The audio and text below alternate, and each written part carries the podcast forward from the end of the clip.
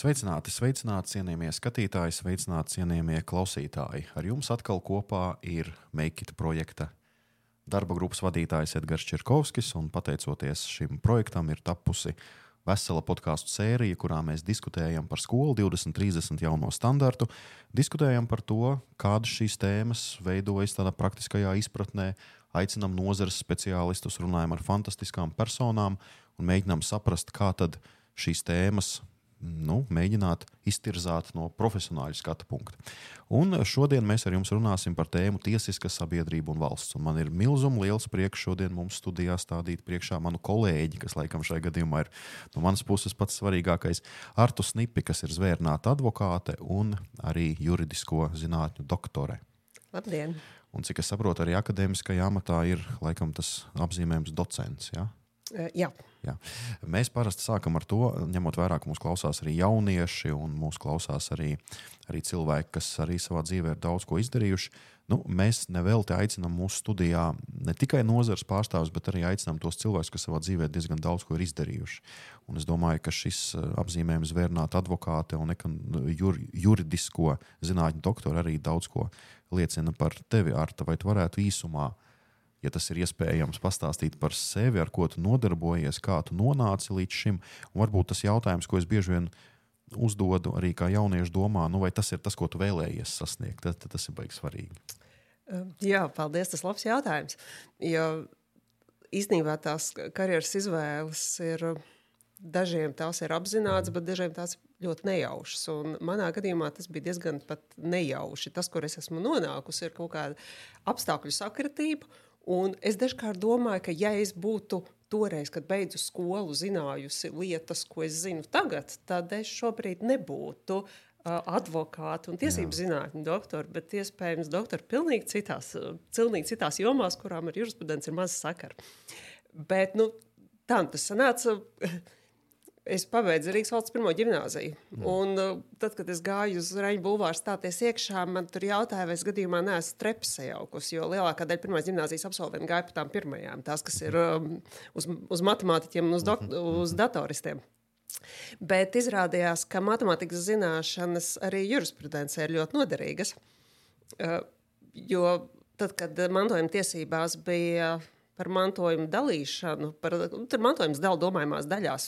Es pat uh, varēju saviem kursabiedriem lekcijas tās, mm -hmm. tas, mācīt, kā saskaitīt domājumās daļas, jo daudz to nezināja. Bet, nākuši no ļoti humanitārām mm, vidusskolām. Uh, bet jā, šobrīd jāatzīstas, ka advokāti strādāja jau gandrīz 20 gadus. Uh, Un kaut kur pa vidu šim procesam, skraidot pa tiesām, gatavojot klientiem atzinumus, konsultējot klientus, pat staigājot pa darba grupām saimā un darbojoties daudzās komisijās uh, advokātu kolēģijā par ko es arī varētu pastāstīt, ja kāds interesēta, kā Droši. kļūt par advokātu. Un, uh, es darbojos gan advokāta eksaminācijas komisijā, uh, gan um, ētikas komisijā, piemēram. Uh, Bet uh, visur tur apkārt skraidot, sapratu, ka kaut ko vēl gribās, un kaut kādus izaicinājumus vēl vajag, un vajadzētu kaut ko vēl pamācīties. Bet nu, joprojām paliku pie tiesību zinātnes, uh, doktorantūras, uh, kas man likās. Es gan jāatzīst, es tur neieguvu to, ko es cerēju iegūt. Tīri tādā intelektuālā pienesuma ziņā, bet bija ļoti forši kolēģi, mm. kursa biedri, kurus joprojām cienu un redzu vidē. Un, jā, doktorantūras līmenis dod atkal jau, atver jaunus apvāršņus. Uh, piemēram, iespēja strādāt ar studentiem. Mm -hmm. nu, to gan var arī bez uh, doktora grāda, bet tas Jā. kaut kā automātiski ievelk vairāk akadēmiju. Es saprotu, ka strādāt ar studentiem sniedz gandarījumu, mm -hmm. kaut ko jaunu izstāstīt, padalīties tajā, kas ir mana pieredze jau ilgstoši. Uh, dod iespējas arī, piemēram, apmaiņas programmām. Uh, kuras, ja tu esi mhm. profesionālis, um, 15 gadus. Nu, protams, tu kā advokāts vari veidot kontaktus, bet, nu, manuprāt, interesantāk ir tomēr tie akadēmiskie kontakti, tie, kas jau paceļ. Uh, konceptuāli citos līmeņos un iepazīties ar cilvēkiem citās pasaules valstīs, uzzināt kaut kādas pilnīgi jaunas sfēras, tēmas, kaut kā, ko mēs savā Latvijas līmenī nezinām. Es saprotu, tā bija tā starptautiskā pieredze, kas vairāk orientējas uz Ameriku. Ja es pareizi saprotu, Eh, kā jā, es gāja pie- tur jā. un, un kā tu nonāci līdz studijām Amerikā. Uh, ir tāda lieta kā Fulbright stipendijas, kuras patiesībā var izmantot arī studenti jau arī maģistra līmeņa studijām. Uh, kur patiesībā ar tiem, un tur es tiešām varu iedrošināt. Nu, mēs šajā gadījumā vairāk runājam ar vidusskolniekiem, bet uh, arī man liekas, ka viņiem pat ir arī bakalaura līmeņa, studijas, bet arī maģistra līmeņa studijas, kur var uh, pieteikties. Un dažkārt ar tie konkursiem ir jau konkursiem. Un, principā, tas, ka es tur tiku, jo es gāju uz post, postdoctoral scholar. Tajā brīdī man vēl doktora grāda nebija. Es biju kandidāts, es gaidīju aizstāvēšanu, bet uh, acīm redzot, mans pieteikums bija pietiekuši pārliecinošs. Par spīti tam, ka man nebija akadēmiskas pieredzes, kuru tajā laikā prasīja arī kā vienu, acīm redzot, mans pieteikums starp tiem pārējiem bija pietiekami labs. Vot tajā gadā bija finansējums tāds, kā bija, un varēja iedot četriem cilvēkiem. Un acīm redzot, es biju starp četriem labākajiem, jo vienmēr viss šādos konkursos ir atkarīgs arī no tava konkurenta. Līdz ar to vienmēr ir vērts pieteikties, jo varbūt tajā gadā konkurence būs mazāka. Vai tieši tavs būs ar kaut ko interesants. Un šādā veidā es nonācu Mašķusets Universitātē, Amerikā, kur pilnīgi jauši, nejauši izrādījās, ka tas, ko es biju pētījusi Latvijā, kas bija saistīts ar īpašumu reformu, restitūciju, tiem saucamiem dalītiem īpašumiem, piespiedu nomu, izrādījās, ka tas ir ā, ļoti lielas pētniecības nozares, kas ir transitional justice sastāvdaļa. Mm -hmm. Un tur bija tas pārsteigums, ka mēs te Mēs te Latvijā kaut ko pētām un darām, un tā iespēja tikt ārpusē un ieraudzīt, ka kāds to ir redzējis no citas skatu punkta, ka tas, ko mēs zinām, patiesībā varbūt ir lielākas kaut kādas zinātnes daļas sastāvdaļa, ir ļoti vērtīgi, jo to var atnest un, un atkal atnest un dalīties ar to šeit. Kuri tie gadi bija Amerikā? Amerikā es biju tieši pirms pandēmijas, 19. Es atgriezos eh, 2020. gada 1. martā. Nu, īsi pirms slēdzās robežas, un mēs mūs ieslēdzam mājās. Bet tomēr salīdzinot arī tomēr to pieredzi Amerikā un skatoties uz Latviju, nu, kādas bija laikam tās galvenās atziņas, ko varēja gūt un salīdzināt. Jo nevajadzētu bieži vien mēs pieminam Ameriku labā nozīmē. Tas patiešām ir labi, bet tomēr Amerikai tā demokrātija un brīvība ir krietni ilgāk nekā mums. Un mēs šajos 30 gados var, var, varbūt esam kaut ko pa daudz sacerējušies, ka tomēr mums vēl viss ir priekšā. Kāda ir tā pieredze salīdzinot Latviju ar, ar, ar Ameriku? Var, Nu. varbūt vairāk izglītības jomā.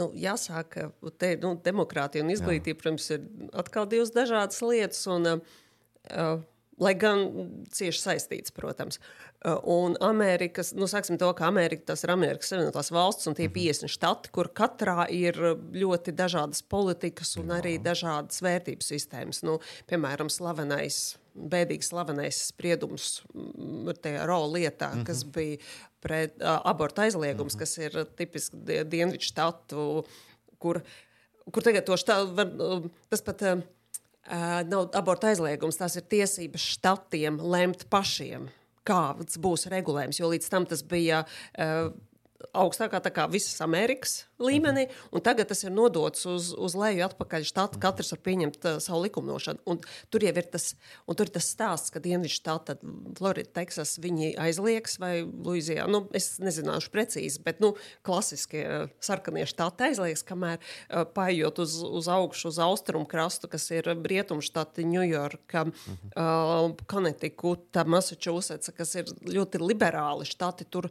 atļaus un to veicinās. Līdz ar to ir ļoti jāskatās uz to. Tā ir dažādība.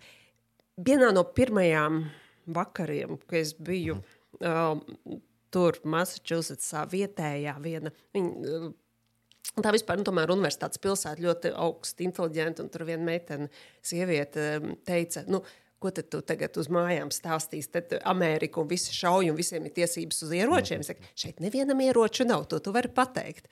Jo uh, tā atkal tā brīvība, teorētiski jau viņiem ir tās tiesības tos ieročus mājās turēt, bet ku- kurš to brīvību izmanto un kur tas ir vajadzīgs.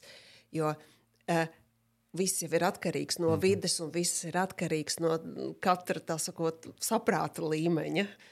Kad Nu, tu, tur arī, jā, tur tomēr arī tie mīti par Ameriku tomēr arī veidojas arī tādā izpratnē, ja, ka viņiem aptuveni tie likumi izveido tā, ka jau, kā tur bija tas slavenais gadījums ar to kaķi mikroviļņu krāsnī, Jā. ja, ka tas varbūt, kā, kā tas īsti ir tiem cilvēkiem, kas nav bijuši Amerikā, tie, kas nav mācījušies, nu, vai tiešām mums tas tā ir jāuztver, ka tur viss ir tik drausmīgi pakļauts. Es domāju, tur ir tās. Um, Tas, ko mēs šeit redzam, mikro līmenī, tur ir makro līmenī ļoti liela atšķirība uh, starp uh, zemāk izglītoti, augstāk izglītoti, burtiski un, un ļoti, ļoti gudriem cilvēkiem. Un, nu, lielā valstī ir tādas liels, liels atšķirības. Uh, bet tur ir uh, lielā valstī un ar lielām iespējām un daudz cilvēkiem ir arī izglītības sistēmā tomēr iespējas, kādas nav pie mums. Piemēram, uh, jauniešiem īpaši, kur izdomājuši, ka viņiem pa visām varēm vajag mācīties Amerikā. Un tādus mēs tur arī satikām. Viņi, piemēram, iet pirmais līmenis, ir tā saucamās community colleges, kas ir augstākā izglītība, bet tas ir tas community college, ir tāds tā kā nu, vienkāršotāks līmenis, kur ir vairāk tā kā tuvāk. Uh, tuvāk zemē tie kursi, bet tos var apgūt par salīdzinoši mazāku mācību maksu.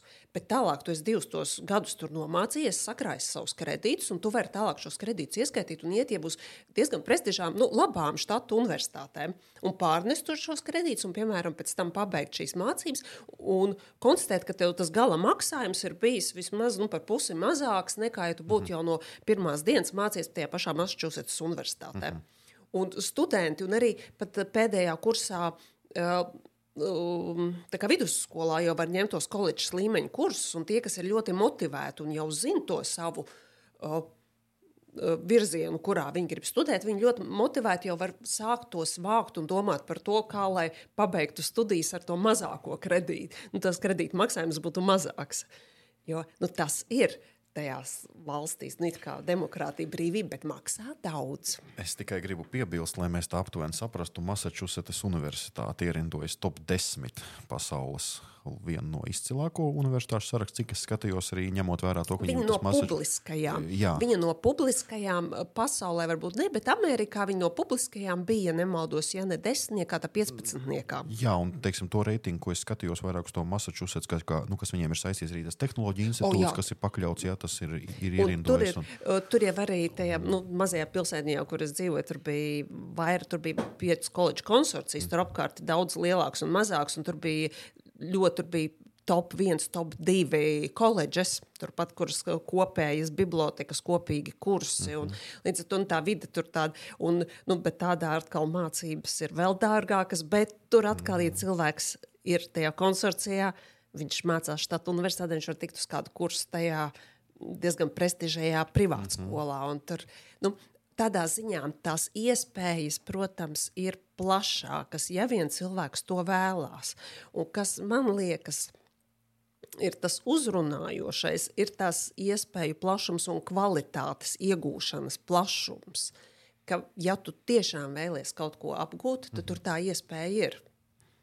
Labi profesori un uzzināt, jo pat šeit mājās sēžot, jo mēs teorētiski tos kursus, eras kursus mhm. arī varam un visādus mūtus klausīties pie ļoti labiem pasniedzējiem, bet tur vēl ir tā iespēja, ja tu tur tiec iekšā, ar viņiem padiskutēt un būt tai auditorijā un to izmantot, nu, ja ir tāda vēlme. Tas ir, tas ir patiešām unikāli, un ja mēs vēl sekojam līdzi arī to profesoru gaitām, tas ir patiešām interesanti. Man savulaik, es to ļoti labi varu asociēt, es biju tikko uz jauno Rīgas teātra izrādi eh, Žīžeks un Petersons. Mm slavenie pasniedzēji, zinām, visā pasaulē. Žīžeks tātad vairāk pārstāv marksismu, Petersons kapitālismu. Un skatoties uz to visu, cik daudz cilvēku par viņiem fano, man uzreiz atmiņā atnāca tas, ka es savulaik Ljubienas universitātē mācījos pie profesora Žīžeka, ja, kur, kurš tagad ir tāda augsta līmeņa cilvēks, ka par viņu pat Latvijā lugas var teikt veido. Ja. Tas ir interesanti, un, protams, no tā arī veidojas man tas, tas nākošais jautājums, nu, tas laiks Amerikā, ir īpaši jurisprudencē. Nu, ko viņš deva, varbūt arī vairāk no tāda privātā skatījuma. Tomēr tas bija vesels periods prom no Latvijas, kas mainījās tādā varbūt draugu lokā, vai kāda bija tā visa izpausme, cik bija tas laiks un ko tas deva tīri tā kā ar tai kā cilvēkam, nevis ar tai kā augsta līmeņa speciālistam. Mm. Uh, cilvēcīgi bija. Uh, tāds, um, man tā vairāk varētu teikt, pat intelektuāli. Uh, tā sajūta, ka tas pusgads projām iedeva vairāk nekā vesels doktorantūras mhm. studijas mhm. šeit. Gandrīz, kā, jo tas pilnīgi pacēla citā dimensijā, e, ļaujot citādi uh, novērtēt lietas, tā analītiska pieeja, tā teorētiskā pieeja, konceptuālā pieeja, jaunu lauku atvēršana. Nu, kā man sajūta, ka cauri uh, Latvijas universitātē juristiem es kaut kur nu, tā izgāju cauri ar perfektām sekmēm gandrīz. Bet īsti tā līdz galam, nu, tāda praktiskā līmenī jurisprudence apgūstot, bet tādu padziļinātu izpratni pēc būtības nekad neiegūstot. Jo mums, diemžēl, mūsu studiju kursi, kas man, oh, salīdzinājums. Te bija, tev sākumā bija jautājums par to, kā atšķiras tās mm -hmm. izglītības sistēmas. Jā, jā. Ir viena lieta, kas man rīktīgi patīk, bet tas ir gan Amerikā, gan arī Nīderlandē tā sistēma, ka viņiem tās saucamās liberal arts colleges, mm -hmm. kur uh, students var aiziet un viņam pirmajā kursā nav jāizvēlas, vai tu gribi mācīties ekonomiku, jurisprudenci vai geogrāfiju. Tu vari aiziet un pirmajā kursā tu paņem pamatu no visa, Un, kas svarīgi arī filozofijas un argumentācijas un tādas lietas, tu, tu iegūsi tādu vispārēju augstāko izglītību. Un paņemot ievadu kursu antropoloģijā, tiesību pamatos un mikroekonomikā, tu saproti, kur tavs sirds ir vairāk. Un beigās tu aizēji tajā vienā virzienā, bet tev ir izpratne par citām. Jo šobrīd es zinu jauniešus, kas iestājas vienā fakultātē, un viņi pēc pusgada saprot, ka tas nav viņu Un tad viņiem pēc to gadu no, no, notraulina, un tad viņi sēž nākamajā, nākamajā. Un tad dodies, ka būtu trāpījuši. Dažkārt viņi trāpa ar trešo reizi. Un tas man liekas šausmīgi žēl, ka jaunietim, nu, es pat atzīšos, ka es pirmajā kursā iestājos gan ekonomistos, gan juristos. Un pēc pirmā kursa no ekonomistiem aizgāju, bet nevis tāpēc, ka man tie ekonomisti šausmīgi nepatīk, man vienkārši juristos kurs biedri labāk patika. Un, ja es būtu ekonomistos, stājoties iekšā, iestājusies finansistos, kas viņa zina, varbūt tur būtu palikusi. Jo tad, kad es stājos, man nebija ne jausmas, ar ko ekonomika no finansēm atšķirās, atzīšos. Bet līdz ar to. Bet ko iegūst tajos pirmajos kursos, tajās vispārējās mācībās, iegūst arī kādu filozofisko bāzi kas ir, kas ir šausmīgi svarīga, svarīga lai izprastu mm -hmm. mūsu arī lielākā tēma - valsts demokrātija. Ja, ja vienkārši tu mācies kā jurists, tev ir tiesību filozofijas kurs vai tiesību teorijas, tiesību teorijas pat vairāk ir tiesību piemērošanas kurs, bet tiesību filozofijas tur izskrien caur kaut kādām tiesību skolām. Bet, ja, bet viņi parasti ir tādi ļoti virspusēji, viņos pietrūkst tā. Pirms jau studenti nelasa. Mm -hmm. Diemžēl, diemžēl Amerikā ir tas, ka diemžēl. tev iedod, un tev ir jālasa. Tas, tev, tur tomēr tas vairāk ir sap, tiek saprasts, ka tu mācies uz pilnu laiku, un tev tas kaut kādā veidā ir jāiziet cauri tiem obligātai literatūrai.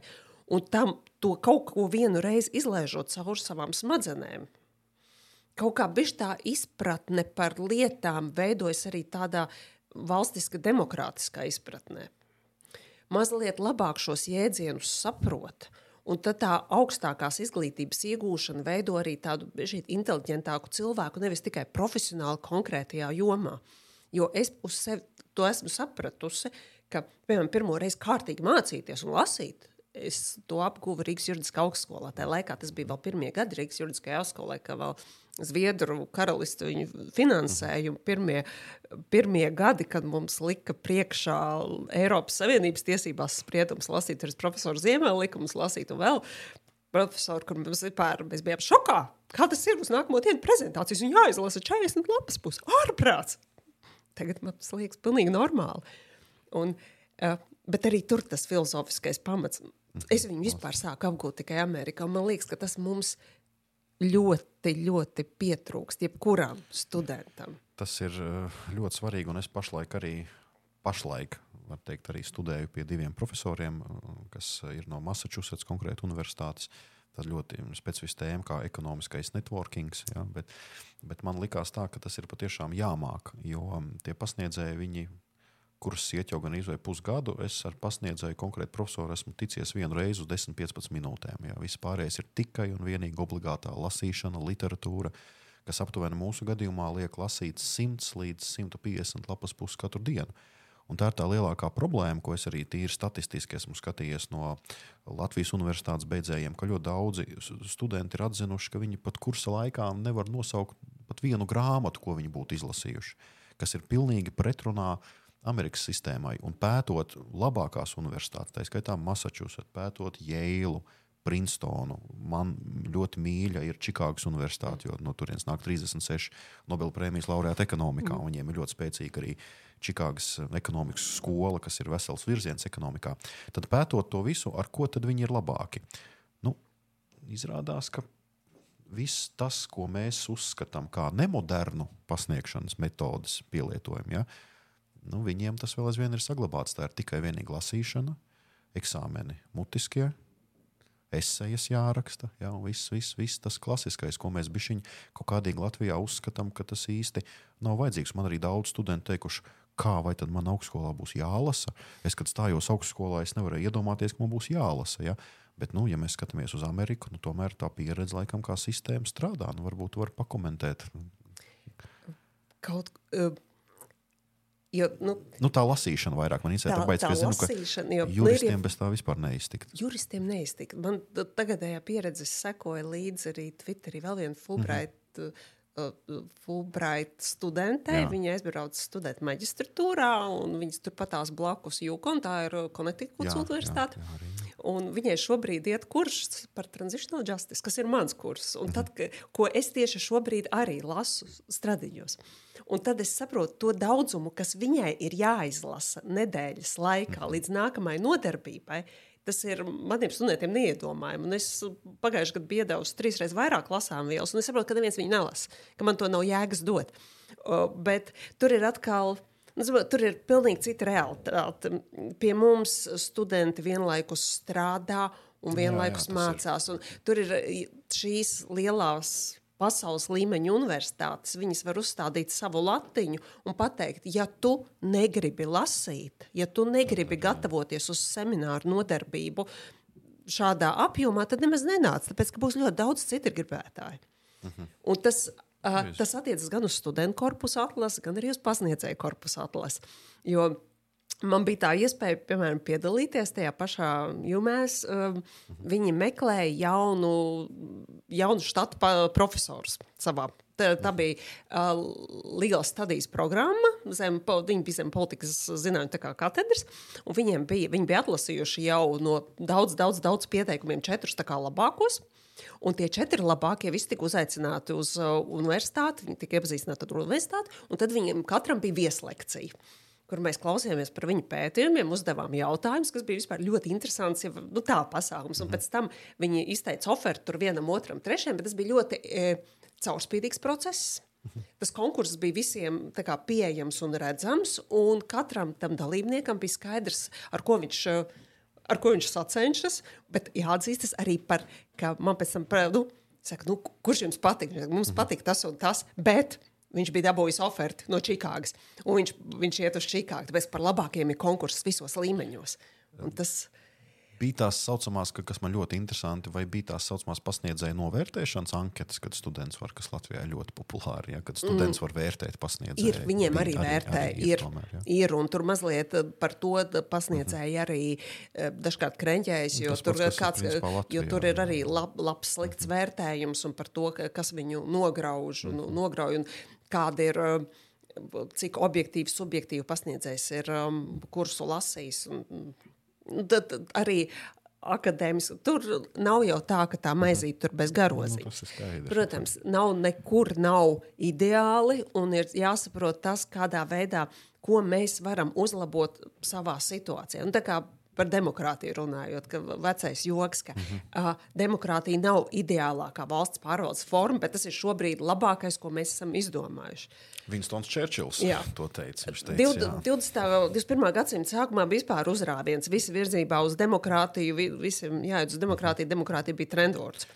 Šobrīd jau vairs demokrātija nav tāds tik izteikts trends, bet viens ir skaidrs, ka neko īsti labāku, pat nenosaucot citādu, neviens nav izdomājis. Nu, Pamattiesības jau mē, tomēr mēs vienojamies par to, ka mēs gribam cilvēkiem nodrošināt pamat pilsoniskās, politiskās tiesības, cilvēktiesības, un ka mēs gribam veidot tādu sabiedrību, kurā, nu, vismaz rietumu civilizācijas lokā, ja, kurā Tā kā Huntingtonam ir tie viņa civilizācijas, viņš apgalvo, ka Tas sakot, mums ne, ne, nerasta mieru.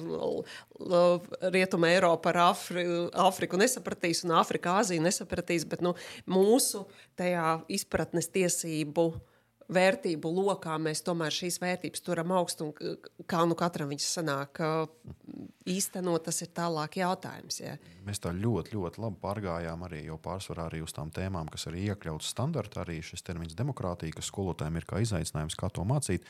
Nu, es pēdējā laikā par to esmu diezgan daudz domājis. Ja, ja es ņemu klasisko teicienu, ko mācīju skolā, es ļoti labi atceros demokratus, tautas vara.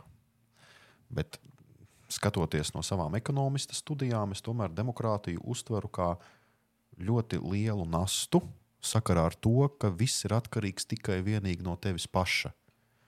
Man liekas, tas ir salīdzinošais. Jā, tu esi nu, teiksim, pie pilnas veselības cilvēks, un, teiksim, ja tu esi kaut ko darījis, tad demokrātija manā izpausmē ir tāda, ka tā dzīve, ko mēs paši veidojam, ir vairāk atkarīga no mums ka nav tādas mistiskas, eh, it kā, nu, it kā ir, bet nu, mm. nu, mēs nelietojam terminu mistiskas valdība, kas par kaut ko parūpēsies. Ka tomēr ka tas paiet fonā, un tev pašam ir jāsaprot, ka demokrātijā tev ir dotas visas iespējas, tev ir dota vide, kurā dzīvot, strādāt, bet viss, kā tu dzīvosi, ko tu darīsi, pārsvarā būs atkarīgs no tevis. Tas ir tas, ko mums ekonomistiem mācīja. Es nezinu, kā uz to skatās juristi. Te nu, te nu tā, um, labi, jā, jā juristi, bet sāksim to, ka nu, valsts iekārta un ekonomiskā iekārta mm -hmm. var jau būt kā liberālāka, neliberālāka, jā, jā, jā. Um, ka pie, pie demokrātijas kā tāds varbūt arī tā ekonomiskā, ekonomiskais regulējums var būt vienā vai mhm. otrā virzienā. Vairāk viņš tiešām var būt vairāk so, sociāli demokrātisks, kur tev par tevi mazāk par, sakot, par katru individu un pabērnu valsts rūpēs vairāk, vai arī tīrais liberālisms, kur tiešām tu esi mm -hmm. katrs pats par sevi līdz uh, bežonīgiem rietumiem. Jā, visas vēl valsts formas vēl pie jā, līdz ar vēl, to jā, jā. Uh, likt vienādības zīmi, tas ir klasiskais, ka um, demokrātija, liberālisms viens un tas pats. Nu, tas, to, tas mm -hmm. ir divas lietas, kas ir mhm. jāspēj nošķirt. Un uh, vienkārši vienmēr liekas tā, ka uh, man liekas, tā ir tāds klasiskais, ka demokrātija, ka tas ir ļoti. Um, Uh, skaidrs un tāds monolīts uh, jēdziens. Ka vispār tas ir diezgan plašs un ļoti daudzveidīgs, un viņam ir daudz šķautnes. Tas, ka, kas politiski, nu, ko nozīmē demokrātija un ekonomiski, ekonomiski pat par demokrātiju -hmm. nerunā. Ekonomiski mums ir pilnīgi citi jā. jēdzieni, kurus es pat tik labi nezinu. Ja? Un juridiski savukārt juristi pat mazāk, nu jā, demokrātiski valsts, bet juristiem ir atkal ar ko mēs šo demokrātiju piepildam. Mm -hmm. Juristi vairāk runā par likuma varu, tiesiskumu, vienlīdzību un tiem nu, pamatvērtībām, kas ir nu, ierakstītas tur satversmes kodolā, pirmajos pantos un tālāk arī visās cilvēktiesībās juristi vairāk šo demokrātijas tiesisko saturu mhm. uh, vērtē. Politologi būs tie, kas tev runās par demokrātiju, kā um, vēlēšanu sistēmu, vai demokrātiju, kā, um, kā tautas mhm. varu, un kur tu mēs tur, tur kur, kur oligarhi, kur demokrāti jā, jā, jā, un tam līdzīgi. Nu, jā, tas, tas tik un tā tomēr mēģina pie tā sava nedaudz palikt. Varbūt arī klausītāji klausās, ka tomēr nu, laikam tā, tā vislielākā grūtība demokrātijā tomēr ir tā pārāk lielā brīvība, ja, kas mums ir dota. Ne? Jo cilvēks jau, es negribu neko teikt, bet man liekas, cilvēks tā savā dabā ir diezgan paslings. Ja? Vai nav tā, ka, ka bišķiņi mums ir jāskatās? Jo mēs Latvijā esam unikāli. Mēs esam dzīvojuši tik daudz režīmos, tā skaitā arī mm -hmm. gan autoritārismā, gan totalitārismā izteikti. Mēs dzīvojam demokrātijā, un demokrātijā mēs dzīvojam tikai nu, nedaudz virs 30 gadiem. Kaut vai es domāju, tie pirmie gadi pēc Padomju Savienības sabrukšanas, nu kāda tur demokrātija, tur bija tik daudz tie visi jautājumi. Nu, ja mēs skatāmies uz šodienas Latviju un salīdzinot Amerikas pieredzi, nu, mēs tomēr esam demokrātiska valsts, tavs viedoklis. Uh. Mēs esam Noteikti. demokrātiska valsts, ko apliecina kaut vai tas, ka Es pat nesalīdzinātu ar Ameriku. Jā. Es paskatītos mazliet uz austrumiem, jo vislabāk kaut ko var novērtēt, vai tas ir, var salīdzināt ar valstīm, kur tā nav. Mums ir divi piemēri. Mums ir pie, divi, divi piemēri tepat uz austrumiem, ja cilvē, kur cilvēks. Mēs šeit divi tā ar tevi runājam, un mēs varam pastāstīt visu kaut ko. Pat ja mēs pateiktu par, sāktu paust savu viedokli par daudziem politiski nērtiem jautājumiem, Mūs vārda brīvība mūs mašīna. uh, aizsargātu un mūs nesagaidītu melnā bērta un neaizvest mūs uz cietumu, kur iesprūdētu bez tiesas uz sešiem gadiem, un it to vēl paveiktos. Nē, un ar to jau tā demokrātija, pamat cilvēktiesības, tiesiskums, šīs ir tās vērtības, kas veido demokrātiju. Ne tikai tas, ka mēs visi varam piedalīties vēlēšanās, un vēlēšana tiesības ir sākot no cik tur gadiem, un mēs, mēs varam iesniegt likuma projektus, saimā, ja mēs desmit tūkstoši nobalso un kaut ko pateikt, ka mēs varam. Um, Paveicās pat saimē atlaist konkrētos gadījumos, vai jebkurā gadījumā tās, tās pilsoniskās tiesības, kā piedalīties likumdošanas tajā procesā. Dem, nu, pirmais, ko demokrātija, ko, eh, kas nāk prātā, tieši atklāts vēlēšanas un šīs uh, pamatlietas. Bet demokrātija ir mums katru dienu, kas izpaužas tiesa tajā. Uh, Mm, angliski tas ir rule of law, latviešu mm -hmm. tas ir vienkārši tiesiskums. Mm -hmm. Ka mēs saprotam, ka mūsu uh, policija vairumā gadījumu, lielos vilcienos mūs principā sargā.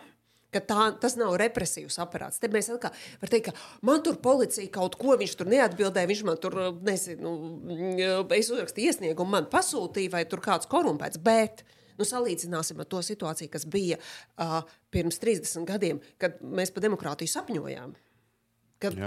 Tad eh, tur policija bija represīvais aparāts. Šobrīd policija teorētiski ir būvēta tā, lai tomēr mūsu tās tiesības sargātu. Kā viņai tas praktiski izdodas, tā ir, eh, tā ir cita lieta. un Tur jau ir ne tikai gribēšana, tur jau ir finanses un viss pārējais. Tur jau ir praktiskās dzīves realitāte, nāk iekšā cilvēki, kas tur strādā, kā mēs viņus atlasām. un Tur ir Uh, uh, tur mēs varam aiziet atkal citās detaļās, bet teorētiski šobrīd mūsu valstī policija ir veidota tā, lai tomēr mūs, lai mēs viņai varam zvanīt un viņi mums nāktu palīdzīgā.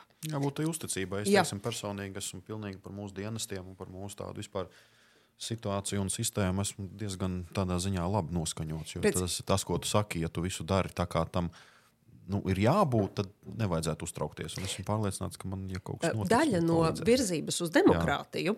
Uh, ir tas, ko nodibināt to, ko angļuiski sauc par civic trust. Mm -hmm. uh, tas ir tāda pilsoniskā uzticēšanās mm -hmm. savstarpēji, kas nozīmē nevis to, ka es. Um, Es tev uzticos, ka tu man nekrāpsi, vai tu esi labs draugs, bet ka es pilsoniski uzticos, ka mani līdzcilvēki puslīdz ievēros likumus. Nu tā, Salīdzinoši. Nu, salīdzinoši. Nu, protams, ka tāds tur nokrāpsies ar nodokļiem, kāds tur kaut kur, kāds, protams, ielien pa logu, bet viņa policija tad par to aizturēs, un savukārt kāds pāries pār sarkano gaismu. Bet lielos vilcienos mēs uh, ievērojam šos likumus, un mēs uzticamies tam, ka gadījumā, ja kāds uh, šos likumus, šos, šīs vērtības pārkāps, tad mēs varam vērsties pie uh, autoritātēm, pie tiesību sargājošām iestādēm, un tās mums palīdzēs šo cilvēku tā kā saukt pie kārtības.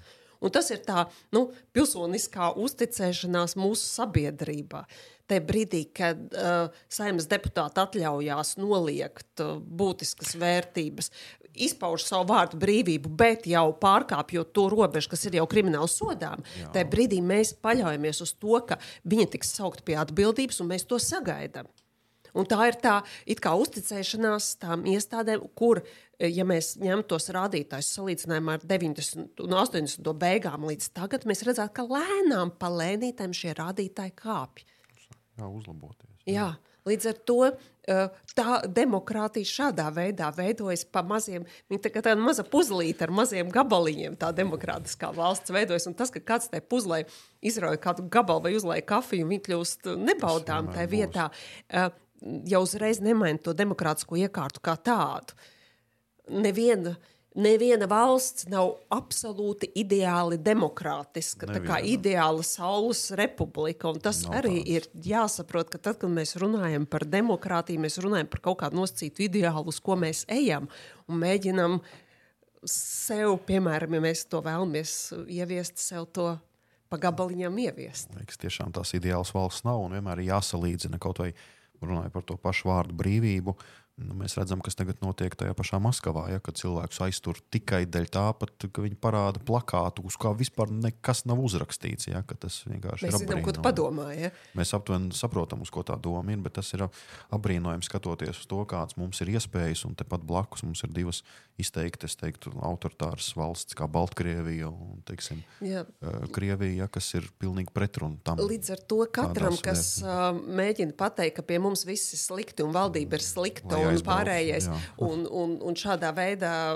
Nu, Šāda veida provokāciju, tro, trolliskus, nepārdomātus jā, jā. tekstus likt. Tad ir no otras puses tas, ka tev ir šī tiesība mm -hmm. šādi runāt. Tā jau ir tā demokrātijas sastāvdaļa, ka tev ļauj izteikties līdz brīdim, kamēr tavi izteikumi jau pārsniedz zināmu no, līniju, robežu. Bīstami, jā, ka tie kļūst bīstami. Mums jā, tā kā krimināla likumā norma, kas pasaka, tur holokausta noliekšana ir sodāma vai okupācijas. Nu, un, un šādā veidā tās ir tās, jo tu, tu esi brīvs darīt līdz brīdim, kamēr tas skar citu cilvēku tiesības. Tas ir demokrātijas pamat, uh, pamat atziņa, kur ir ielikt arī satversmē, ka, tu, kad ir tiesības, kuras var aprobežot, tāpēc, ka ir citiem cilvēkiem arī viņu tiesības.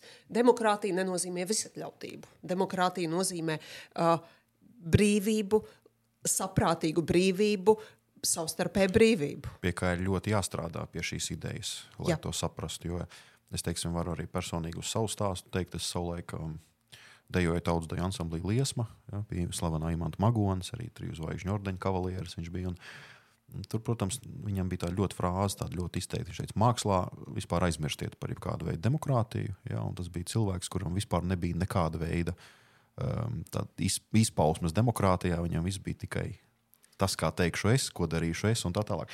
Es šajā gadījumā, savulaik arī būdams arī dejotājs, mums, protams, manos arī pirmajos karjeras gados izpaudās nedaudz tā, tā, tā tieksme, ka es esmu varbūt tas, kā es pateikšu, tam tā ir jābūt un nē. Bet pēc tam ar gadiem, ar gadiem, ar gadiem un darboties Eiropas komisijā un sākot arī saprast, es tomēr saprotu, ka tā ir fantastiska kļūda visu likt uz sevi. Un demokrātijā laikam tas pats labākais tomēr ir, ka mēs varam mācīties no citiem, mums vajag mācīties no citiem, bet ir jāpierod pie tā, ka katram citam cilvēkam ir savs viedoklis, un šis viedoklis var būt arī pareizāks. Ja? Un kāpēc es saku, pie tā ir jāmācās? Jo savulaik arī man bija, vēl studiju gados, man bija tāda nu, nu, dīvaina izpratne par tiem cilvēkiem, kas ir bijuši savādāk. Es tagad mēģinu iesūt gender politiku un tā tālāk, ja, kur mums mm. tagad, tagad es jau pats skatos, ka es esmu diskusijās, kur mums runā jau, ka Eiropā oficiāli ir astoņi dzimumi, ja, un varbūt savulaik man tas tā nebija īpaši saprotams, bet tagad es saprotu, ka tā arī ir zināmā mērā demokrātijas izpausme, un tas jau aizgājis ir tik tālu, ka cilvēks pēc būtības jau pat pats var izvēlēties, kas viņš grib būt. Jā, aptuveni sieviete vai vīrietis. Nu, tādā ziņā, un, tas, un man liekas, ka te atkal ir kaut kādas robežas, līdz kurām var par to runāt, darīt. Nu, tas atkal tā ļoti interesanti ejot kopā ar to, ja, kas teiksim, šajās valstīs. Tas, šie jautājumi ir īstenībā jā, ļoti smagi. smagnēji. Par... Un šeit ir īstenībā man uzreiz tā Man uzreiz nāk prātā, protams, Amerikas ar viņu tās DI politikas, kur ir uh, jā, jā, jā, iekļaušanas un tā, lai pēc iespējas tie, kas ir mazāk, tā kā sakot, līdz šim tie, kur pārdarīts, lai viņiem būtu jā. vairāk iespējas un tam līdzīgi. Bet, um, bet uh, runājot par šo gan drīz, laikam es aizmirsu galveno tēmu, ko es gribēju pateikt, jo par, jā, izglītība. Par to vi, ka jā, mums jā, vienmēr ir visā šajā būtiski. Manuprāt, tāpēc, ja izglītības procesa laikā iemācās diskusija, iemācās to, ka var būt dažādi viedokļi un abi labi argumentēti, tas paver cilvēkam vispār to skatījumu mazliet plašāku uz to, ka nevienmēr tas, kā es domāju, ir absolūtā Pareizi, patiesība. Jā, jā. Ka tā prasme, tā ir ļoti smaga prasme, kā tu minēji. Mm -hmm. Iemācīties, smaga, ieraudzīt citus viedokļus un kaut ko labu tajos citos viedokļos, kur, manuprāt, tai izglītībai būtu jāiet, lai šo demokrātijas ideālo pilsoni uh, te, jo, nu, tāds, mēs domājam, demokrātija, plurālisms, daudz ideju, tas ir plurālisms, kas ir dažādu ideju apkopošana un uzklausīšana. Uh, lai to veicinātu, ir jābūt tam, ka mēs savstarpēji spējam tādi būt. Jo, raugi, mēs nevaram sapņot par demokrātiju, kur es gribu nemainīties, bet gribu, lai visi pārējie apkārt ir demokrātiski. Ka es citu viedokļus necienīšu, necietīšu, jo uzskatu, ka man ir taisnība, bet mēs to sauksim par demokrātiju tad, ja pārējie piekritīs man. Un tur ir tas, ka sāksim paši ar sevi šis ļoti labi iet kopā ar to. Es nesen arī televīzijā klausījos mūsu tagadējā premjerministra Krišāna Kariņa interviju. Viņam žurnālists pajautāja, nu, kā jūs gribētu šo jautājumu atrisināt. Viņš teica, tā, ziniet, ja es darītu, kā es gribētu, tad lietas notiktos simts reizes ātrāk. Bet viņš teica, tā, paldies Dievam, ka šeit nav kā es gribētu. Paldies Dievam, mums ir ministru kabinets, kurā arī veidojas sava izpratne par to pašu koalīciju, par opozīciju un tā tālāk. Tā kā šajā gadījumā man liekas, ka tas patiešām tas teiciens, ka slikta demokrātija ir labāka par izcilu autoritārismu, jā, ir, ir ļoti labs. Jo tas ir tas mūžīgais jautājums, vai tiešām viens cilvēks vispār spēj kaut kādā brīdī nu, to demokrātijas to principu mēģināt ieviest. Jo te man uzreiz atmiņā, protams, nāk mūsu vairāk apspriestais prezidents Vai viņu tā var vai nevar saukt, mēs īstenībā arī nezinām. Kārlis Ulmans, piemēram, oh. ja, kurš bija. Tā ir atsevišķa tēma, bet eh, nu, bieži vien viņi tomēr min kā cilvēku, kurš it kā atvēra demokrātiju Latvijā, bet tajā pašā brīdī ar apvērsumu rezultātu atkal aizvēra. Un šis jautājums man tīri juridiski liekas ļoti interesants, jo es pat viņu vienreiz uzdevu savulaik, ja nešaubos, viņš bija satversmes sapulces priekšsēdētājs Enziņš, enziņš, viņš, viņš bija, bija uh, satversmes, jā, satversmes sapulces tas būtu kaut kas tāds. Profesors, jā, un es viņam, man, man paveicās, bija tāda viena vieslekcija, kur mēs bijām ierobežotā tādā skaitā, un es viņam pajautāju, es teicu, nu kā mēs tad tīri juridiski, mēs varam Kārlu Ulmanu saukt par prezidentu. Uz ko viņš pilnīgi pamatot pateica, nē, mhm. -huh. tas tā nav. Ja, tas nav iespējams. Viņš arī pamatoja, atsaucieties uz satveres, uz visu. visu. Te rodas atkal tas jautājums, nu, ja mēs to it kā esam juridiski sapratuši, nu, kāpēc teiksim, Kārlis Ulmans vēl aizvien visur tiek minēts kā Latvijas prezidents? Ja? Tas atkal ir tas jautājums, par ko ļoti ilgi var diskutēt. Bet varbūt tavs komentārs par Kārlu Ulmanu, par šo viņa prezidenta statusu, kā viņš šo demokrātiju Latvijā aizvēra, kāda bija tie Ulmaņa laiki no demokrātijas viedokļa. Um Kārlis Lutmans mums bija ministrs prezidents. Un, tas, un ar to, ka viņš uztaisīja apvērsumu, tālāk jau viņš kļuva par tā, tas, ko viņš tālāk pr, jā, jā, kā viņš bija definēts. Viņš, principā, tālāk viņš kļuva par autoritāru līderi. Mm -hmm. Un te nu mēs it kā ekonomiski tajos laikos Latvijai tie bija diezgan veiksmīgi laiki, ko mēdz norakstīt kā laimīgie ulmeņa laiki. Lai gan jāatzīstas, ka tur man liekas, ka visā Eiropā tie bija diezgan Jā. ekonomiski uzplaukuma laiki. Kā, cik tur bija tiešām uh, līdera uh, nopelns, nopelns tieši tā. Jā. Bet ar to autoritāro režīmu jau tā mēdz būt. Uh, uzreiz atzīšos, ka man atmiņa nav pārāk laba, bet esmu lasījusi grāmatas, daudz tikai piemērus neatceros, bet konkrētus bet stāstus par to, ka autoritārā režīmā ekonomika mēdz mhm. diezgan labi valstīm, ekonomiskajā sektorā veikties. Tas mēdz būt tieši tāpēc, ka ir vieglāka lēmuma pieņemšana, un ja autoritāram līderim jā. veicās, vai viņš pats bija pietiekami sapratīgs, vai apstākļotājs saka, tu vai kāds labs padomdevējs, principā ekonomisko izrāvienu var tīri labi dabūt. Īstermiņā tikai. Nu, vismaz īstermiņā, bet cik tās vēl, cik parasti autoritāri režīmi? Nu, jā, jā, nu, varbūt 50, 15 gadi. bet, um, uz bieži vien tas notiek uz kaut kādu cilvēku tiesību ierobežošanas rēķinu. Demokrātijas nav tas, ko mēs saprotam ar demokrātiju, tiesībām, brīvi izteikties, ceļot, vai, Jā. vai uz vārda, vārda brīvību izpausmes, iespējas, vai iespējas izvēlēties darba vietu un dzīves vietu, un tam līdzīgas lietas var būt ierobežotas, bet toties ekonomiskā izaugsme ir. Ja, un tad nu, tie, ir, tie ir piemēri, un tādi ir Daudz. Tāda ir daudz. Es varētu drīzāk atcerēties grāmatas, kurās es tos lasīju, nevis konkrēts piemērs, bet principā šādā veidā, jā, daudzas valstis vismaz ilgākus vai īsākus periodus tā ir dzīvojušas un tādu zināmu ekonomisku uzaugsmi iegūšanu. Man liekas, vai Čīlē arī nebija tas pats piemērs, ka beid, beidzoties autoritāram režīmam, tas tā, tā, ekonomika nodeva labākā stāvokļa nekā pēc jā, tam ar jā, demokrātiju. Jā. Tā kā demokrātija barojās uz tauciņu, ko bija autoritārisms radījis.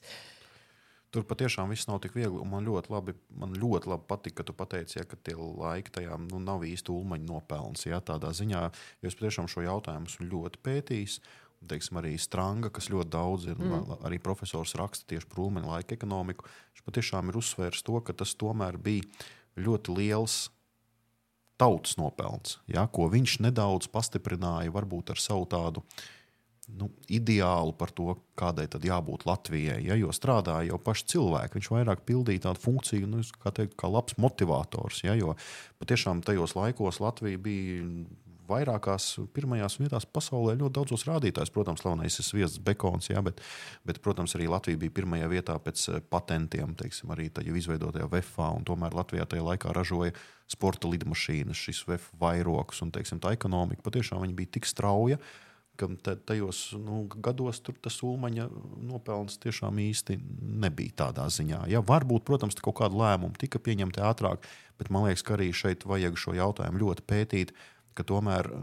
Nu, Man ļoti arī patika Egils Levits, eh, pateica, ka viņš nav ulmaņa fans. Ja? Man liekas, ka tas ar to daudz kas ir pateikts, ja? ka, ka mums arī tās iespējas mācīties, lasīt un saprast, tomēr liek aizdomāties, ka tomēr ir jābūt uzmanīgiem ar šāda tipa uh, piemēriem. Un es starp citu arī tagad YouTube ir pieejama arī Kārļa Ulmaņa runa, kas tika translēta radiofonā toreizējā, ja, kad notika valsts apvērsums. To runu var paklausīties. Ja, nu, man liekas, ka mūsu, atkal, mūsu kaimiņiem, kas tepat aiz, aiz, aiz, aiz, aiz, aiz, aiz mūsu robežām, div, div, diviem konkrēti kungiem varētu arī uh, daudz ko mācīties. Ja, jo tā runa patiešām bija uzlikta uz to, ka tie, kādā aptuveni saima ir tas, kas mums traucē. Ja, viņš mm. tur uzsvēra to, ka, ka viņi tikai partijas plēšās savā starpā un nedomā par Latviju un tā tālāk. Ja, bet tas patiešām tiek izrauts no konteksta, jo īstenībā tās partiju plēšanās. Un tas, ka mums tās partijas ir tik daudz, tas jau īstenībā ir labi no vienas puses. Ja, tas atkal nu, tas ir. Nu, tā bija tā demokrātijas nu, ideja pakaļrocību trūkums, jā, jā, ka, kas... ka to viedokļu ir daudz un starp viņiem ir jāatrod tas kompromiss. Un, bet nu, tāpat laikā to partiju tur ir tik daudz, to viedokļu tik daudz, bet tajā sabiedrībā jau to viedokļu arī ir tik daudz. Tie pārstāvji jau kaut kādā mērā tomēr reprezentē to, kas ir sabiedrībā. Protams. Mums var nepatikt pašreizējās saimnes sastāvs. Uh, pateikt, tur nezinu, pārāk daudz prokrievisku spēku, Jā. bet, uh, draugi, mīļie, bet to tas ievēlēja balstiesīgi iedzīvotāji. Līdz ar to nu, tās ir mūsu, vismaz to, kas aizgāja uz vēlēšanām, šīs sabiedrības daļas atspūgstur. Ja tu gribi kaut ko mainīt, dot to savu vienu pusmiljonu miljonu mhm. daļu, aizēj ar savu balsu uz vēlēšanām, ievēl kādu. Cits starpā ļoti labs piemērs par to, ka uh, cik liela nozīme ir tam, ka tu piedalies vēlēšanās, manuprāt, tas būs pilnīgs eh, piemērs visām mācību grāmatām. Mm -hmm. turpmākajā, turpmākajā laikā būs apara. Apar rezultātu pagājušās jā, vēlēšanās, jā, jā, jā. ka attīstībai par neiekļuvu saimā viņiem pietrūka 200 balsu. Vienu brīdi bija tā, ka nebija saskaitīti pāris iecirkņi, viņiem jā, pietrūka divu balsu. Burtiski, fiziski jā. divu balsu. Jā, jā. Nu, un tad saskaitīt tos četrus atlikušos, izrādījās, mm -hmm. pietrūka 200. Bet, principā, ja tas būtu palicis ar divu balstu trūkumu, tad faktiski viens apēra vēlētājs, kurš nav aizgājis, varētu plēst matus, jā, kāpēc es jā. viens neaizgāju. Bet tā kā tas bija tik tuvu, es domāju, tas vienkārši pierāda to, ka reku ir jums demokrātija darbībā. Tavai balsī ir nozīme. Un kāda vēl? Jā, un, un citu, faktiski tas saimnes sas, sastāv būtiski ietekmēja. Tas, noteikti, vai viņi tika noteikti, vai netika. Jā. Līdz ar to Nu, te, te ir tavs tiesības un pienākums. Tu vari sēdēt divānā un teikt, ka, ka, ka saime, saime plēšas, viņi neko nesaprot. Mums vajag līderi, jā, lai nāk kopzemes un visus tagad saliek vispār vietām. Jā.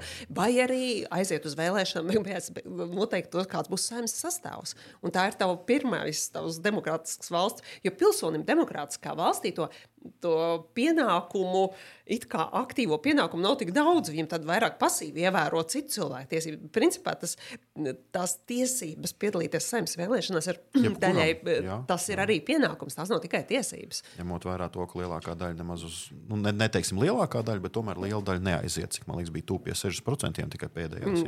Ja, mm, Šogad bija puslīdz nu, pēdējās saimnes vēlēšanās aktivitāte bija kaut kur tuvu pie 60%, 60% kas jā, faktiski jā, no bija kāpums salīdzinājumā ar iepriekšējiem diviem, jo sākot 90. gados bija ļoti augsts. Tur bija pie, pie 80, ja nekļūdos, bet ar katru gadu tā, tā līnija gāja uz leju līdz tu, gandrīz knapi puse. Bija pēdējās iepriekšējās vēlēšanās, 11. un 12. saimē bija tur 50% aizgājuši uz saimnes vēlēšanām. Arī par to noteikti ir jādomā. Teiksim, tas ir tas, ko es arī jauniešiem stāstu, ka ideja, ko daudz, nu, es esmu dzirdējis arī tādu frāzi, nu, kāda jēga iet, tāpat nekas nemainīsies. Nu, principā šāda frāze jau liecina par to, ka tu esi Jā. Negribu lietot to vārdu, ja, bet, bet ir jāpadomā bišķiņ plašāk šajā gadījumā. Es vienmēr to uztveru ar tādu diezgan lielu atbildību un iet uz vēlēšanām, un es vienmēr to esmu darījis, ka tas ir nu, tas daudz tāds izteiktais pienākums. Ja. Attiecībā par to, ka, nu, ka mēs tur ievēlam to. Mm, kāda mēs paši esam, tur es pilnīgi piekrītu. Tā arī ir laba ideja. Un, un, protams, arī mēs tur skatāmies uz, to, uz dažām partijām, kuras mums varbūt ne īpaši simpatizē, bet nu, viņas tur tādas ir, ņemot vērā arī mūsu sastāvu, gan Rīgā, gan Latvijā. Nu, tā tas veidojas. Nu, tas ir izteikts tāds demokrātijas mikromodulis.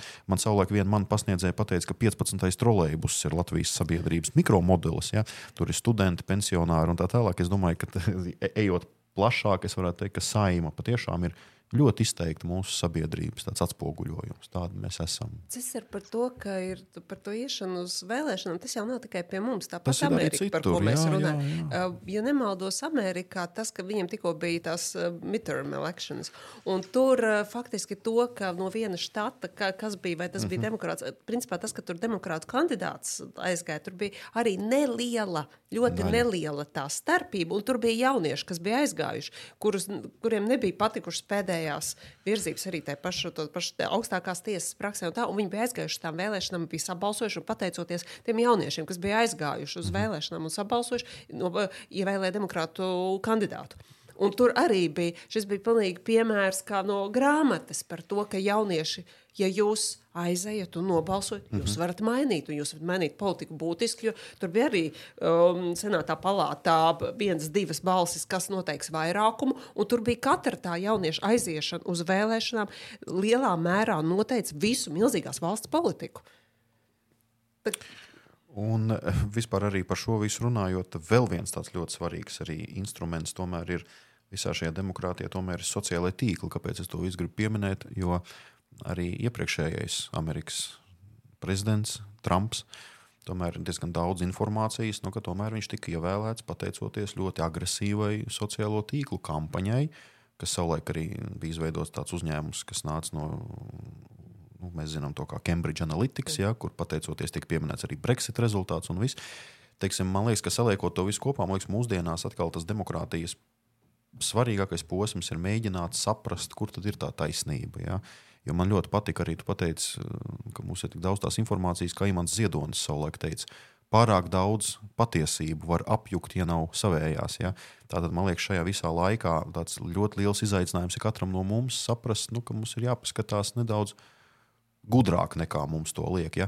Arī mēs varam lietot tos uzvārdus, arī tu pieminēji gobzemu, piemēram, man šajā gadījumā gobzems. Uh, ir antifavorīts tikai viena iemesla dēļ, jo viņš ar savām tām spējām izmanto, diemžēl, tos cilvēkus, kuriem tas spējas nav.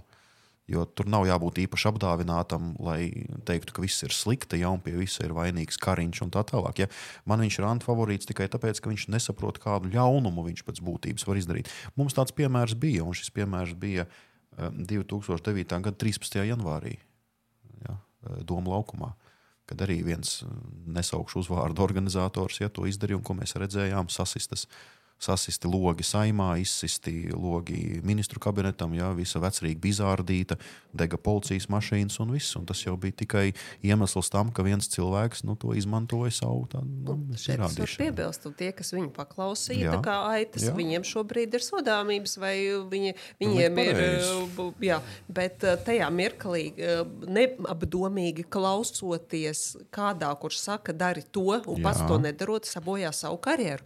Sabojā to, ka tev ir jau. slikts, tas ir slikta biogrāfija par to, ka tu esi administratīvi vai krimināli sodā, sodīts par uh, šādām darbībām. Nu, jā, šis ir. Uh, vienkārši jā, jā. to, ka neizmantoja, liekas, tas, ka nu, kas klausa vienam tādam, bet beigās jau sekas ir tam, kas ir tam paklausījis. Paš, ja tev saka, lec lejā pa klinti, beigās jau tu esi tas, kas lec un salauz kāju.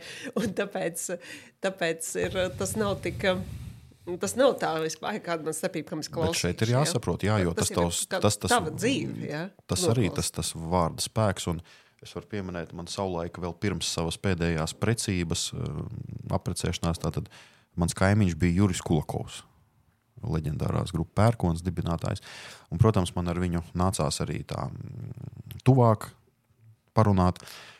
Un Interesanti ir tas, ka grupa pērkons, ņemot vērā to, ka viņi visi gandrīz vai ir uh, triju zvaigžņu ordeņa kavalieri, viņi vēl aizvien pārdzīvo to notikumu ogrē, ja, kas toreiz bija kā apvērsums. Nu, nu, nevar teikt, ka nu, jā, nu, vienkārši cilvēki pēc koncerta izdemolēja vilcienu. Ja, un, un, un tur vienu tur to puisi, man liekas, iesēdināja uz cik tur tiem 10, 15 gadiem, visu un tā tālāk. Ja. Bet es viņam jautāju, viņi vēl aizvien to pārdzīvo, uztverot to, ka, ir, ka viņi pie tā ir vainīgi sakarā ar to, ka viņi caur tām savām dziesmām toreiz nu, izraisīja cilvēkiem to domu par brīvību. Ja, tā brīvība izpaudās nu, izdemolējot to vilcienu, ko, nu, kas krājās, krājās, krājās, un tas varēja arī beigties sliktāk.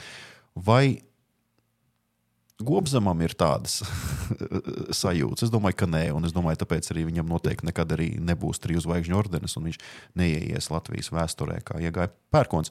Bet tas ir patiešām tā milzuma liela atbildība arī mums, kā pasniedzējiem, kā mēs pasniedzam, ko mēs stāstam. Ja, vai tas mūsu, nu, mēs viedokli reti kad varam izteikt, mums ir vienkārši jāmāk izteikt citu zinātnieku viedokļu, parādīt to visu.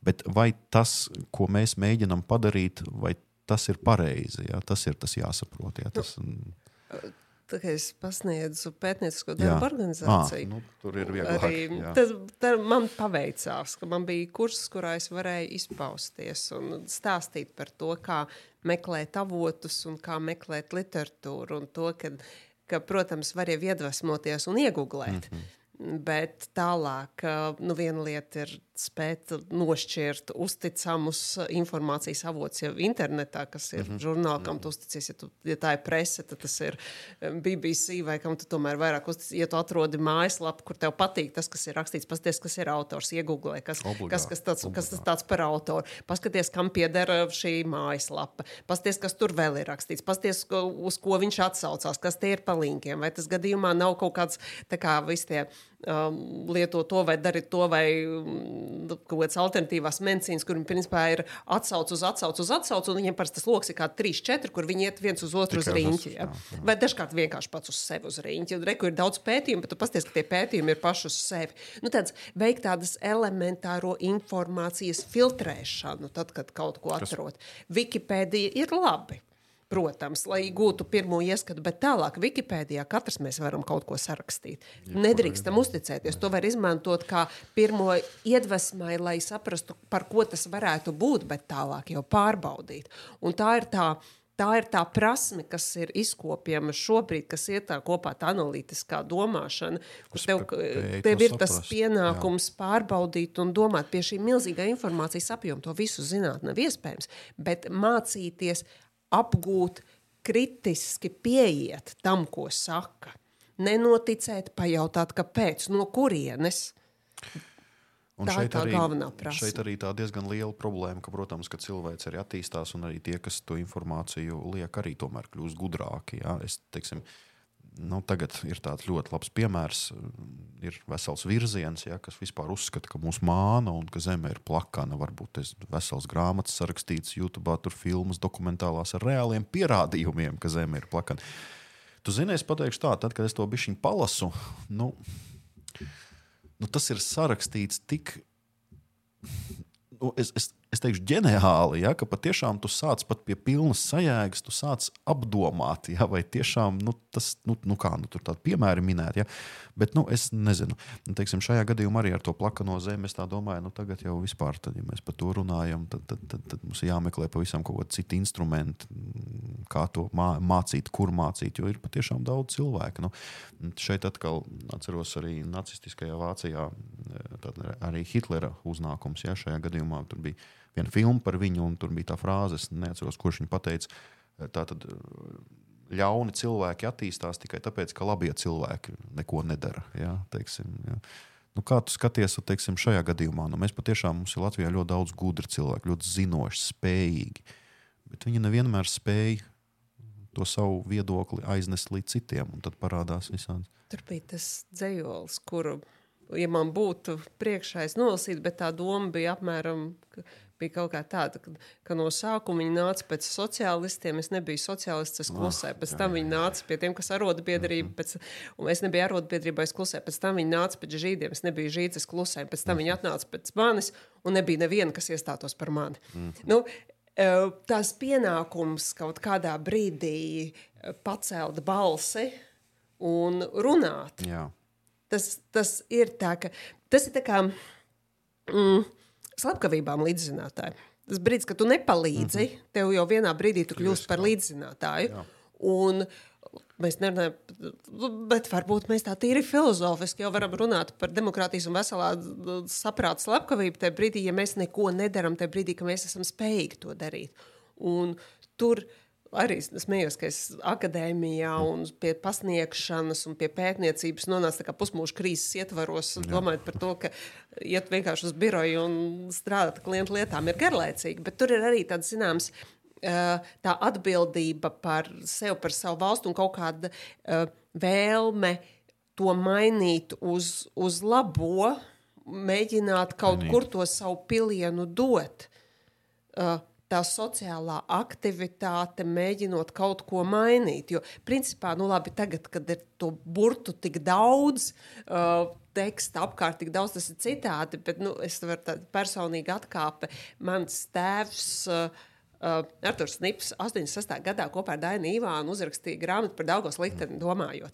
Kas jā, faktiski šis lasīju. raksts pret Daugopils Hesu, jā, jā, viņš jā, jā. iekustināja milzīgu kustību, kas principā ir viena tās vidas kustības, vispār bija daļa no virzības uz demokrātiju. Arī Gruzijā tādas pašas vidas kustības gāja, viņas gan neaizgāja tik veiksmīgi būt kā pie mums, bet principā visi tie uh, zaļie, za, zaļie klubi, un tas, mhm. tas bija tas pirmais, ko, jo padomu vara ļāva vidas jautājumus vēl kaut kā pacelt, jo tie nebija kā pret Čikāgas piecīši arī.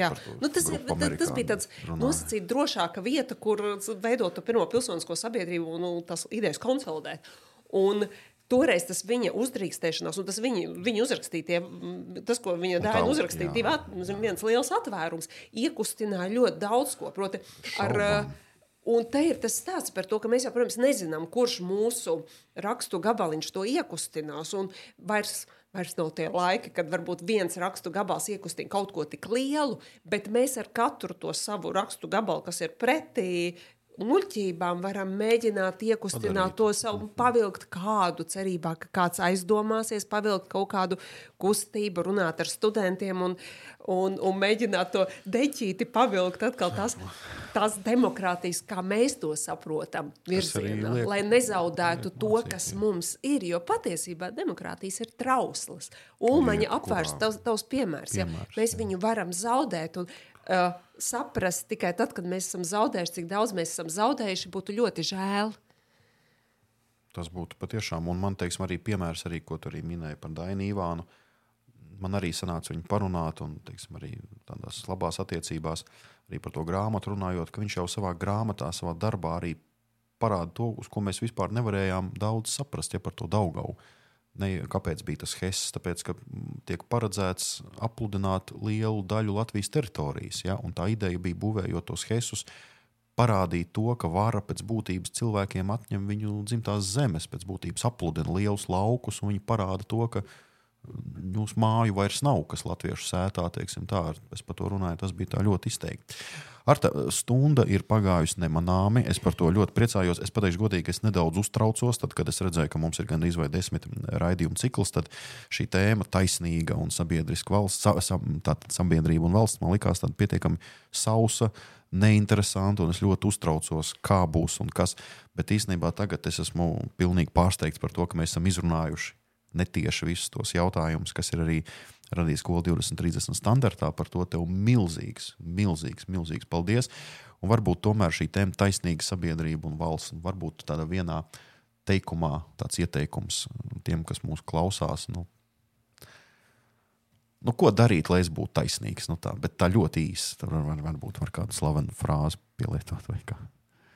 Es zinu, ka tās labās frāzes nāk ne, nejauši. Grūti bet, jau ir. Bet... Jo, bet principā jau visas šīs vērtības, viņas, mēs varam runāt par to, ka jā, tur taisnīgums, tur procesuālais, tur tas substantial, kā to pamat, ka mhm. tas tur valsts pienākums tur nodrošināt, tiesas valsts pienākums, likums nodrošināt, bet principā viss jau sāks no katra paša. Mm -hmm. Uh, un mēs katrs esam tas pilsonis valstī, ja mēs gribam būt pilsonis demokrātiskā valstī, mums ir jāsāk Jā reāli ir jāsāk ar sevi. Pirmkārt, ar sevi. Tas bija arī kāds, kāds no, no jaungada runās, kāds nu teica par to, ka sāksim ar sevi un sāksim ar savu pagānu, bet principā sāksim ar savu galvu, un sāksim pareizi, ar saviem jā. lēmumiem, un sāksim ar savu attieksmi. Sāksim ar, sāksim ar to, ka sapratīsim, ja mēs gribam dzīvot demokrātiskā valstī, tad turēsim paši cieņā šīs vērtības, turēsim cieņā šīs valsts vērtības. Un darīsim ar savu darbību, veicināsim šo šīs valsts būšanu par demokrātiju un šo vērtību izpausmi. Un tālāk visas sabiedriskās aktivitātes, kas pilsoniskas sabiedrības ietvaros, mm -hmm. ideju plurālisms, tas ir brīnišķīgi.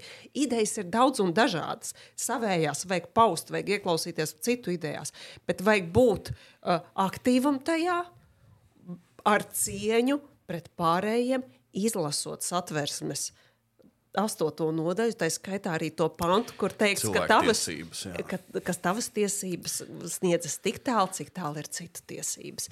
Tas ir, cienīsim arī citus, cienīsim sevi, un tad mēs arī kopā varam veidot valstu, kurām ir patīkami būt. Man nav ko piebilst, cienījamie klausītāji, cienījamie skatītāji. Šodien pie mums studijā Skola 2030 jaunā standarta tēmas ietvarā Taisnīga sabiedrība un valsts bija zvērnāta advokāte, juridisko zinātņu doktore Arta Snipe. Paldies, Arta! Paldies! thank you